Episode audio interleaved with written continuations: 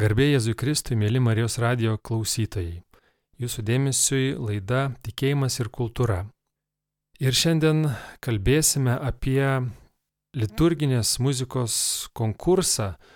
Klausytojai tikriausiai jau esate girdėję e, per Tikėjimas ir kultūra arba muzika sakra laidas apie įvykusi Lietuvos liturginės muzikos kompozicijų konkursą klausėmės ir laureatų kūrinių ir šiandien laidoje pristatysime, kalbėsime apie antrąjį šį Lietuvos liturginės muzikos kompozicijų konkursą. Kodėl reikėjo antrojo, koks jis bus, kuo skirsis nuo pirmojo, kokie šio konkurso tikslai, koks sumanimas. Apie visą tai kalbėsime su studijos svečiais iš Vilniaus sakralinės muzikos choro Adoramus, nes šis choras yra konkurso iniciatorius, sumanytojas, organizatorius. Taigi man malonu pristatyti choro Adoramus dainininkės, choristes e, Rūta Pilkytė. Sveiki. Labas, Rūta taip pat yra ir projekto vadovė, taip pat Adelė Vaiginytė studijoje. Sveiki ir dirigentas, choro adoramus dirigentas Mantvidas Drulė. Sveiki. Ačiū labai, kad atėjote į Vilnius Marijos radijos studiją ir pakalbėsime apie Lietuvos liturginės muzikos kompozicijų konkursą. Pirmiausia, gal nuo pat pradžių galėtume prisiminti apie pirmąjį įvykusį konkursą, koks jis buvo, kaip jūs prisimenat jį jau šiandien gal girdite atsiliepimus ir, ir tiesiog matote šiandien to konkurso rezultatus, kokie jie.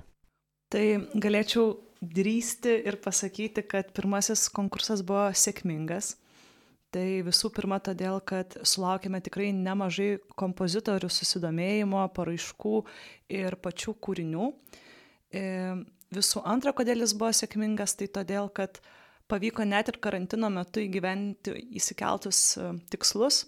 Tai e, ne tik suburti kompozitorius, kurti liturginę muziką, bet ir chorą suburti įrašyti tuos e, atrinktus kūrinius.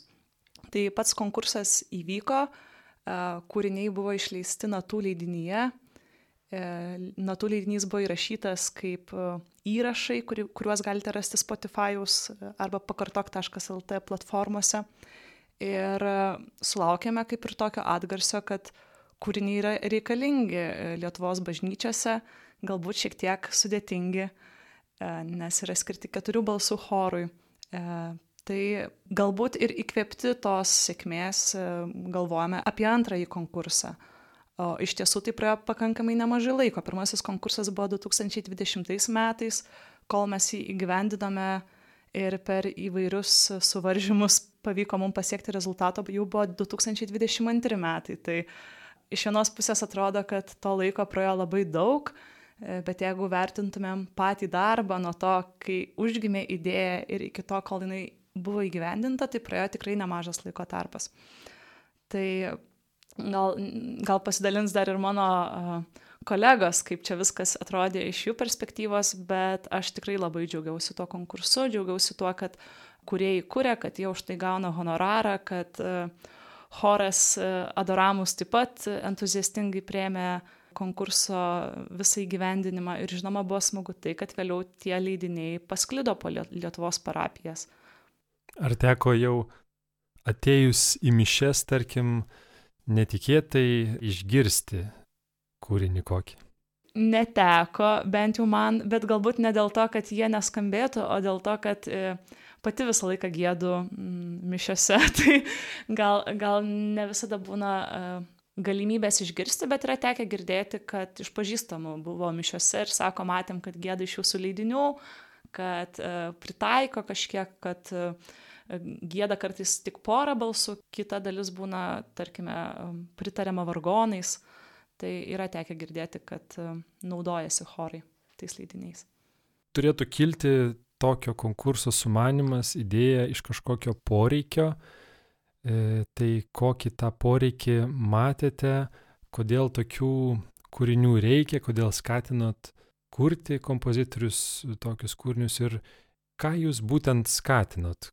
Kokie tie kūriniai ir kuo, e, kuo galbūt skiriasi ir ko trūksta Lietuvos bažnyčiose? Šitoje vietoje matau tikrą labai aišku poreikį Lietuvos bažnyčiose chorinės akapelinės kūrybos. Prieš gerus dešimtį metų teko pačiai pradėti su akapela kolektyvu gėdoti mišiose.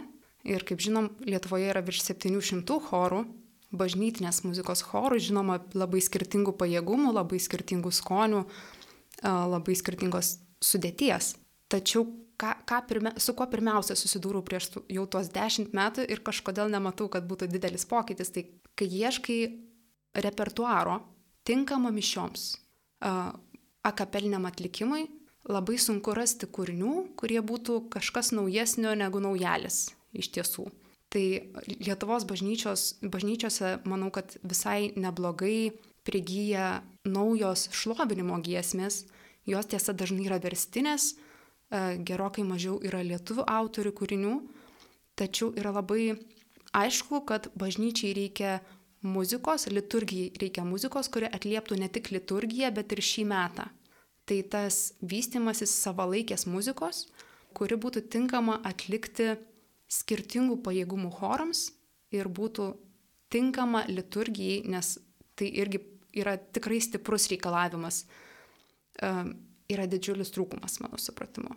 Tai čia buvo vienas iš pagrindinių ir, ir šito konkurso tiek pirmojo, kuriame kvietėme kuriejus kurti ordinariniams arba nekintamosiams mišių dalims kūrinius, tiek šio antrojo, kuriame jau tęsiam tradiciją, bet jau kviečiame kurti nebe nekintamasis, bet kintamasis mišių dalis. Tai reiškia, kad užpildyti visą liturgiją nauja aktualia muzika, kuri tiktų, atitiktų ir metą, ir poreikį. Čia gal dar būtų toks trumpas interpas, kad kas šitos kintamosios ir kas tos nekintamosios. Tai kai mes kalbame apie kintamas e, mišių e, dalis, tas giesmes, tai mes turim galvoje tas, kurios skamba pradžioje mišių, kurios skamba aukojimo metu, komunijos metu ir mišių pabaigoje. Tai kaip Adelė tiksliai pastebėjo, kad vienas konkursas užpildė vieną dalį, kur buvo Kyrija, Glorija, Sanctus ir Agnus Dei, o antras konkursas būtent užpildytų tą jau antrąją dalį. Labai būtų tinkama išgirsti kažką iš jau įvykusio konkurso, e, iš būtent tos dalies, kaip sakot, kur kompozitoriai kūrė ordinarinės e, mišių dalis. Taigi, ką galėtume tokio trumpo išgirsti, kad klausytojai susidarytų įspūdį? Manau, būtų tinkama paklausyti choro simpatijų prizo susilaukusios kompozitorės Linos Kairytės šventas. Po šio kūrinio grįšime į Marijos radijos studiją.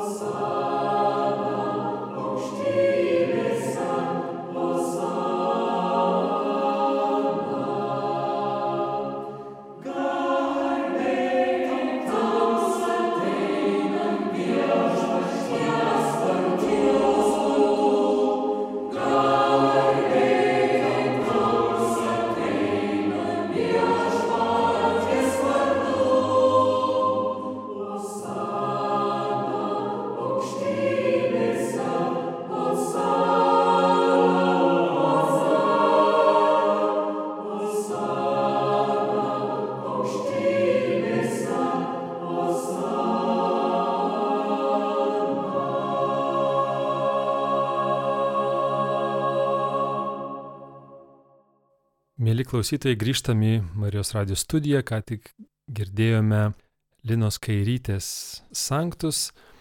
Mes šioje laidoje dar turėsime galimybę išgirsti ir daugiau kūrinių ir tes, tesdami pokalbį nuskambėjo įdomus skaičius, kad Lietuvoje yra 700 chorų. Jūs tikriausiai turėjote sužinoti, susižinoti tokią statistiką, rengdami šitą konkursą ir aiškindamiesi poreikį teisingai.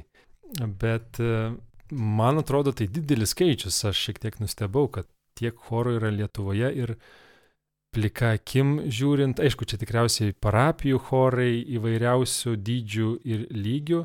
Kaip manot, kiek e, gali šie kūriniai, e, tarkim, iš pirmojo konkurso gyvuoti bažnyčiose ir būti naudojam, naudojami visų tų 700 chorų. Ar jie yra sunku specifiniai, galbūt šventiniai ir ne visiems tinkami ir ne visur, ne visada pritaikomi. Be abejo, kad e, visiems 700, ar kiek ten jų bebūtų chorų, e, visų lygiai, visų pasiruošimą, visų skonį ir visus laikotarpius įtikti, atitikti turbūt būtų neįmanoma. Bet e, šito choro, chorų kompozicijų konkurso nuostatose yra ir prieito konkurso, ir šio konkurso nuostatose buvo pažymėtina, kad kompozicijos turi atitikti tam tikrus reikalavimus, tai yra sudėties. Apie sudėtį buvo labiausiai turbūt e, akcentuojama, nes, kaip žinia, Nėra turbūt e, daugeliu chorų galimybių turėti labai platų vyrų flangą, sakysim. Na, aišku, ir pajėgumai tų chorų turi būti atitinkami. Tai kompozitoriai turėjo būti informuoti apie tai ir, ir žinojo tas galimybės ir e, kiek jiems pasisekė tai pritaikyti, tai jau pasimatė jau galtiniam rezultate, komisija tai įvertino, atsižvelgė tos dalykus ir aišku, patikrinti, ar, ar visi chorai, kuriems buvo skirtas, skirtos tos kompozicijos, ar, ar jas naudoja, negalim, bet labai tikimės, kad kuo daugiau tų chorų gali ir, ir visų pirma nori pritaikyti tas kompozicijas savo bažnyčiose, kur, kur gėda. Tai ir be abejo jau pastebėjom, ta choras Adoramus tiesa, rengdami pirmojo konkurso rezultatus, turiuomenyje kompozicijas, rengdami įrašams, rengdami koncertams, susidūrė, kad iš tiesų yra vienų kompozicijų tarp laimėtojų, kurios yra tikrai paprastesnės, kurios tinkamos pakankamai plataus spektro chorams, tiek galėtų būti atliekami ir vaikų chorų, ir tokios paprastesnės sudėties. Tiesa, turime tarp laureatų arba tarp išleistųjų ir tikrai sudėtingų, labai, sakyčiau, iškilmėms tinkamų kūrinių, kurių bažnyčiai taip pat reikia. Tiesa, juos atlikti tikrai galės labai ne kiekvienas ir net sakyčiau gan retas choras, bet nuostabu, kad šiais laikais kuriejai rado įkvėpimo sukurti ir tokių kūrinių, kurie manau, kad mažų mažiausiai įstriks atmintyje, net jeigu nebus atliekami kasdien. Kita vertus, mes su chor adoramus kiekvieną sekmadienį stengiamės atlikti visus autorius, ta prasme pamainomis. Matome, kad iš tiesų vienomis progomis labiau limpa vieni, kitomis kiti, kai kurie iš tiesų rečiau atliekami, bet visi kažkaip tampa savi ir juos tikrai malonu atlikti. Tad džiaugiamės, kad jie tikrai yra tinkami naudojimui ir, ir tikrai yra naudojami. Bent. Ir, ir mes garsiname juos tiesą pasakius, jie ne tik yra naudojami, bet jie yra ir klausomi. Tai aš karts nuo karto pasižiūriu, kaip sekasi mūsų kompozicijoms e, tose kanaluose, kuriuos galima paklausyti. Tai pavyzdžiui, Spotify, tai e, Linos Kairytės e, vienas iš kūrinių kaip ir patenka į mūsų klausomiausius kūrinius. Tai galbūt yra gražu net ir juos ir paklausyti, nebūtinai atlikti.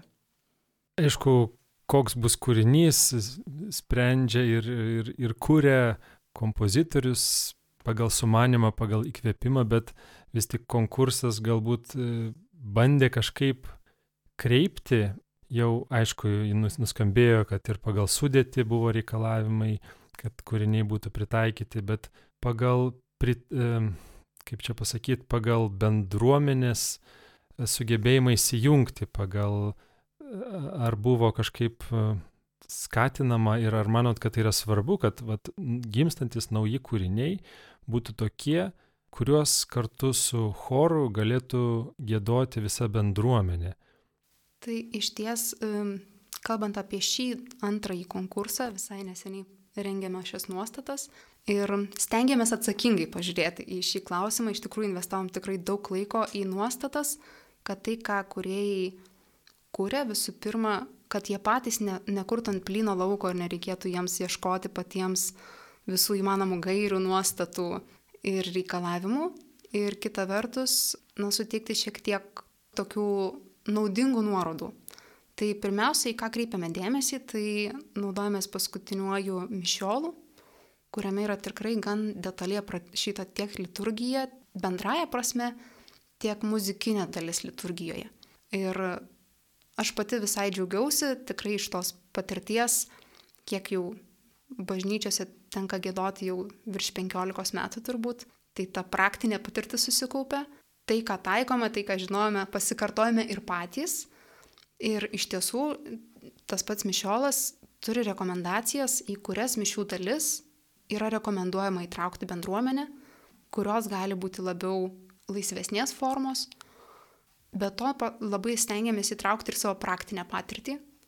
Kaip choras, kai, kai kiekvieną sekmadienį gėdame mišiuose, stebime ir kaip bendruomenė įsitraukia, kaip kunigas aukojantis mišes reaguoja, į ką reikia atkreipti dėmesį, kad štai pavyzdžiui, komunijos metu tikrai reikėtų reaguoti į trukmę, kiek gesmė turėtų trukti ir gebėti ją adaptuoti prie poreikių.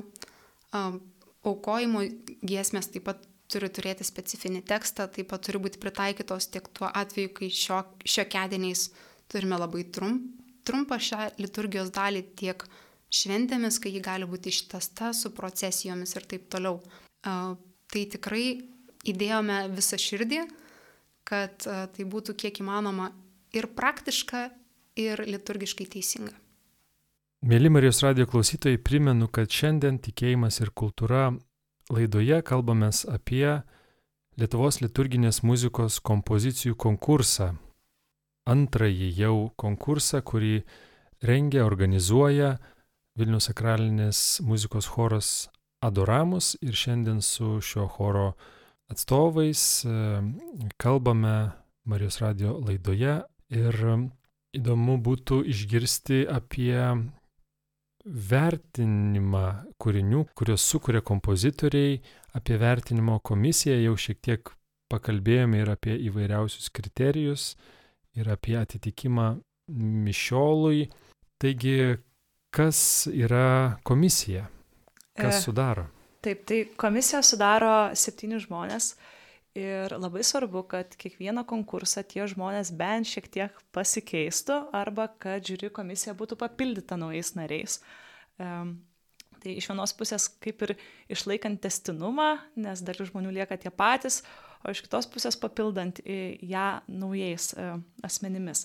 Ir šį kartą mm, svarbu paminėti tai, kad žiūri susidaro kaip ir iš tam tikrų dviejų dalių. Viena dalis uh, žmonių vertina, ar tai atitinka, ar tai yra tinkama liturgijai, ar atitinka tekstai, ar tai bus pritaikoma mišių metu, o kita dalis žiūri vertina tą jau meninį turinį, ar tai meniškai vertinga kompozicija, ar gerai parašyta, ar tinkami e, intervalai chorui, žodžiu, ar tinkama padainuoti. Tai Tai šį kartą mes turime komisijoje kuniga Kestutį Palikšą ir taip pat kuniga Eugenijų Puzinę, kurie vertina liturgijos dalį, o tuomet visą meninę dalį vertina docentas Gintutas Venislovas, Vaslavas Augustinas, profesorė Audronė Žygaitytė Nekrošienė, daktaras Linas Balandis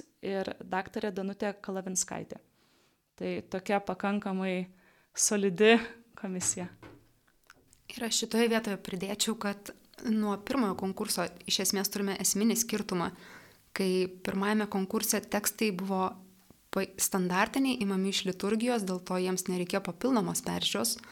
Tuo tarpu šiuo atveju, kurie yra pakankamai laisvi rinktis ar net patys rašyti tekstus, dėl to viso rašymo proceso metu turėsime patariamą komisiją, kuri būtent galės iš anksto įvertinti tekstus ir jų tinkamumą liturgijai, kad kuriejai galėtų taip jau drąsiai kurti, remdamiesi jau validuotais tekstais.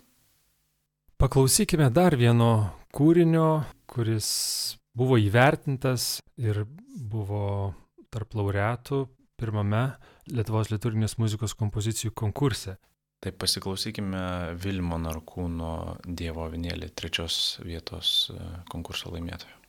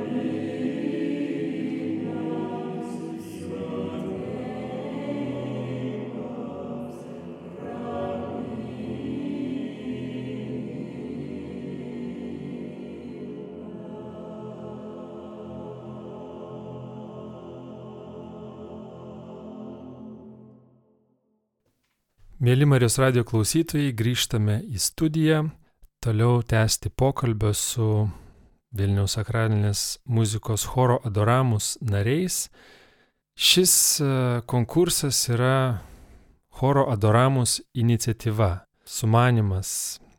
Kaip e, visas choras, e, visa jūsų choro bendruomenė, kuri didelė, jūsų choras pasižymi dideliu narių skaičiumi, kaip priėmė šitą konkursą, koks, e, jeigu taip galim sakyti, yra viso choro santykis su Lietuvos liturginės muzikos kompozicijų konkursu.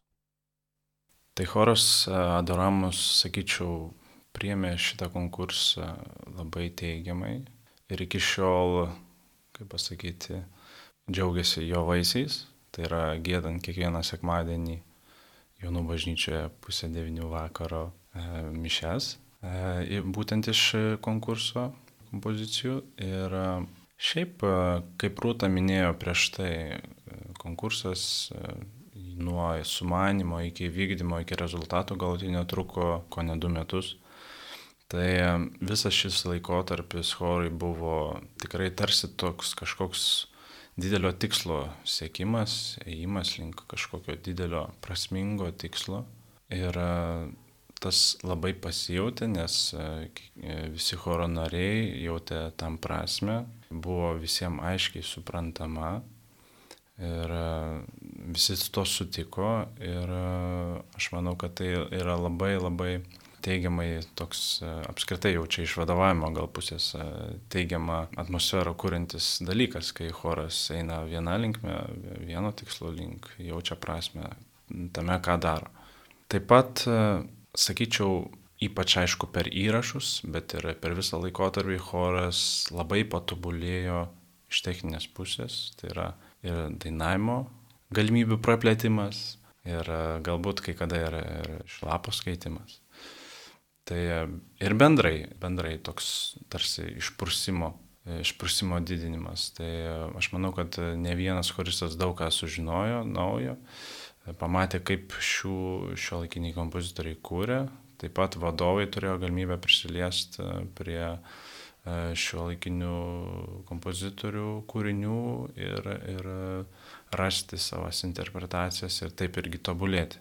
Tai kaip jau ir minėjau, dar labai praplėtė repertuarą choro e, šis e, konkursas, kaip minėjau, sekmaniais, kiekvieną sekmanį dabar praktiškai tik šio konkurso metu sukurtas mišes ir gėdami.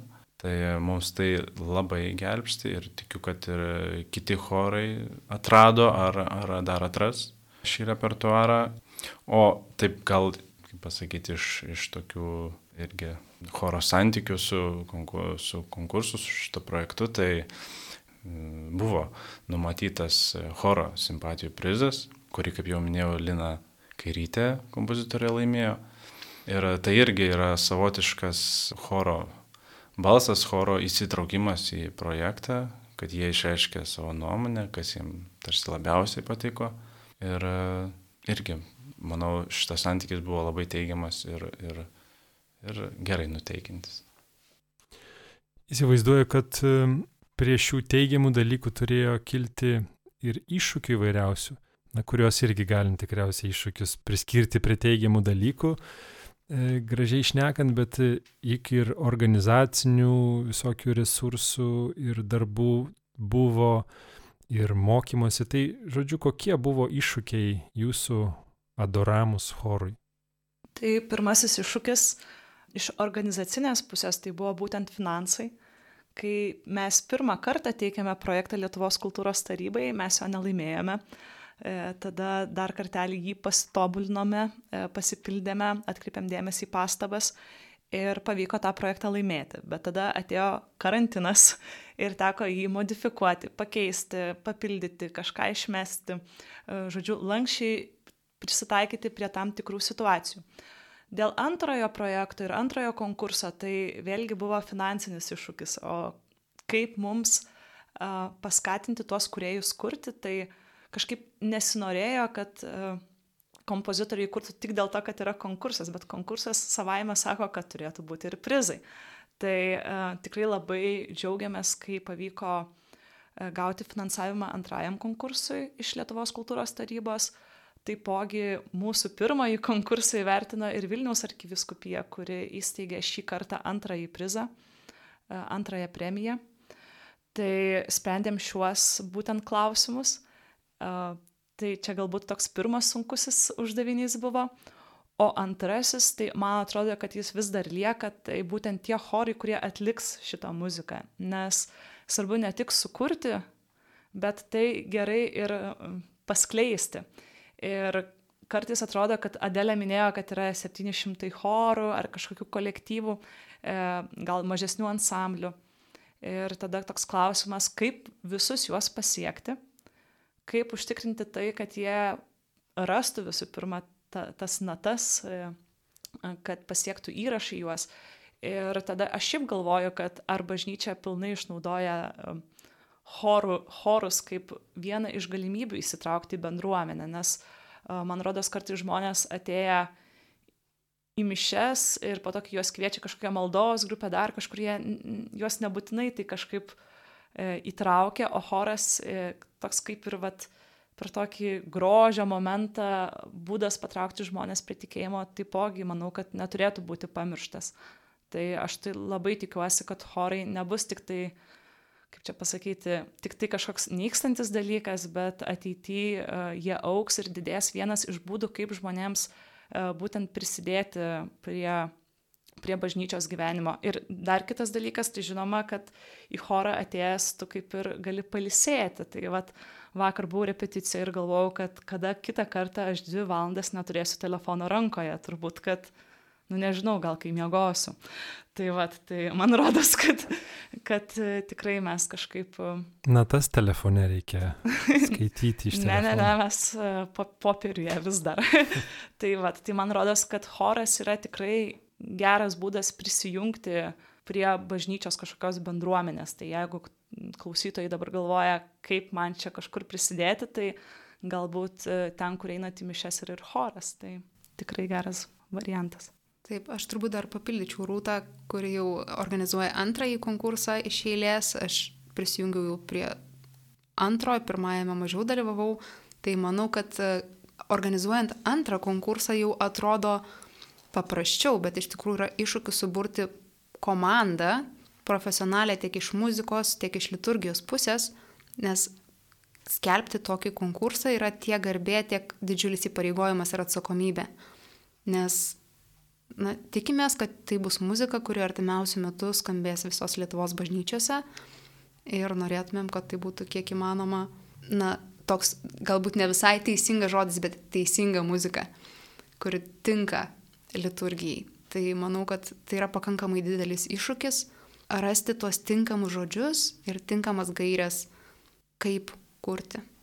Prieš e, baigdami pokalbį ir prieš pasakydami visus praktinius dalykus, kurie, manau, tikrai turėtų nuskambėti, dar paklausykime vieną kūrinį iš pirmojo konkurso ir, ir kas tai bus, koks kūrinys.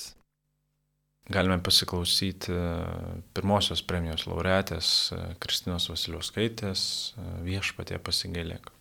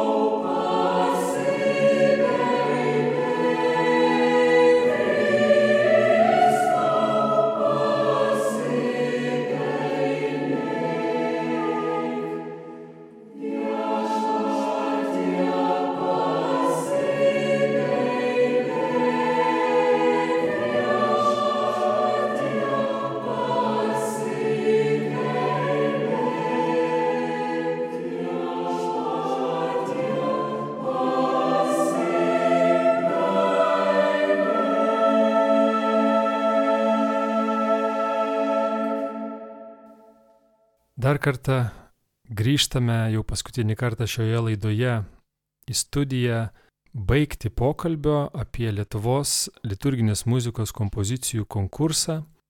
Tikriausiai aktuali informacija būtų ir kompozitoriams, kurie ketina dalyvauti konkurse. Tačiau visos datos, manau, įdomios ir klausytojams, kurie domisi, kuriems uh, rūpi kokie bus rezultatai, rūpi apskritai lietuviška liturginė muzika. Taigi, ko laukti, kokie yra terminai, kada jau bus galima išgirsti kūrinius, tikriausiai tai ir ne paskutinė Marijos radio laida apie tai, bet paminėkim įvairių praktinių dalykų. Taigi, kuriejus kviečiame siūsti kompozicijas iki gegužės 31 dienos. E, taip pat labai rekomenduojame e, pareikšti savo norą dalyvauti konkurse iki balandžio 30 dienos. Tuomet mes galėtumėme pakonsultuoti, padėti su tekstais, e, e, žodžiu, padėti būtent įgyvendinti tuos kriterijus, kurie yra nuostatuose. Ir dar reikėtų paminėti, kad pirmos vietos laimėtojas laimėtų pusantro tūkstančio eurų, antros vietos laimėtojas laimėtų tūkstantį eurų ir trečios vietos laimėtojas laimėtų 500 eurų. E, visi kūriniai, kurie laimėtų, būtų išleisti natų leidiniu ir taip pat įrašyti e, būtų įrašai. Planuojame, kad finalinis koncertas įvyks rudenį ir tikimės, kad tiek leidinys, tiek įrašai pasirodys jau 2024 m. sausį. Tai lauksime laimėtojų, laureatų, kuriuos kaip ir po pirmojo konkurso išgirdome Marijos radio laidoje, pristatydami juos ir netgi buvo pokalbis su kompozitoriais, laureatais. Aš dar norėčiau keletą mm, galbūt tokių trumpai, e, trumpų praktinių na, drįščiau gal pasakyti, patarimų kompozitoriams, į kuriuos, aišku, galite nebūtinai atsižvelgti, bet e, tiesiog iš praktikos, e, pirmiausia, dirbant su Adoramus choru, o taip pat ir su kitais mėgėjų chorais ir žinant kitų mėgėjų choro praktikas. Tai, kaip jau ir parašyta nuostatose, yra labai svarbi būsimų kompozicijų sudėtis. Tai kaip žinia, chorų praktikoje vyrų balsų visą laiką yra nedaug. Ir vyrai pas mus vis dar yra ta tokia dainininkų rušis, kur į raudoną knygą įrašyti. Tai labai norėčiau, kad labai tikėčiausi, kad būsimieji kompozicijų konkurso aplikantai atsižvelgtų į tai ir nerašytų daugiau negu dviem vyrų balsam savo kūrinius. Ir be abejo yra galimybė įrašyti vienam vyrų balsui, kas būtų irgi gana sveika praktika, nes kalbant galbūt ne apie adoramus, bet apie, sakysime, kažkur tolimesnio Lietuvos kampelio bažnytinį chorą, tai irgi labai galim, galimas dalykas, kad e, tų vyrų balsų bus e, tik vienas. Taip sudėtis, bet taip pat e, svarbu, aišku, ir kiti klausimai, tai yra ritmas, intonacija, vyrius intonaciniai šuoliai ir, ir diapazonas.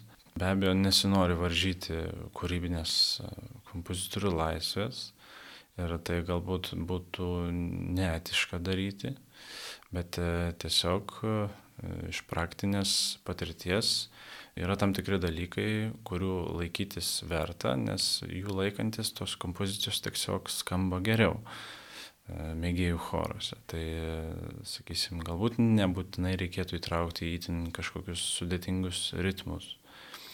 E, galbūt e, pagalvoti apie melodijos balsovadas, kur nereikalingi įvairūs labai dideli šuoliai, Galbūt, e, kad būtų labiau mm, intuityvi melodija arba, arba harmonija intuityvi. Kad būtų įveikiama intonaciškai choristams, e, kurie galbūt ne visada e, turi muzikinio rašto pažinimą. Taip pat diapazonas, be abejo, merginos sopranai dainuoja, gali dainuoti ir iki trečios oktavos natų, tačiau taip galbūt vidutiniškai įmant praktiškai gerai skamba iki antros oktavos fa, sol.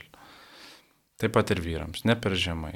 Tiesiog, kad būtų įmanoma, pasiekiama. Ir aš manau, kad kompozitoriai daugelį tų dalykų žino, tiesiog noriu atkreipti dėmesį, kad jų ir nepamirštų. O aš tik norėjau priminti, kad e, kompozicijų laukiame adresu lmkonkursas etagmail.com ir visą informaciją apie konkursą jūs galite rasti Adoramus choras Facebook paskyroje arba Lietuvos muzikų sąjungos puslapyje.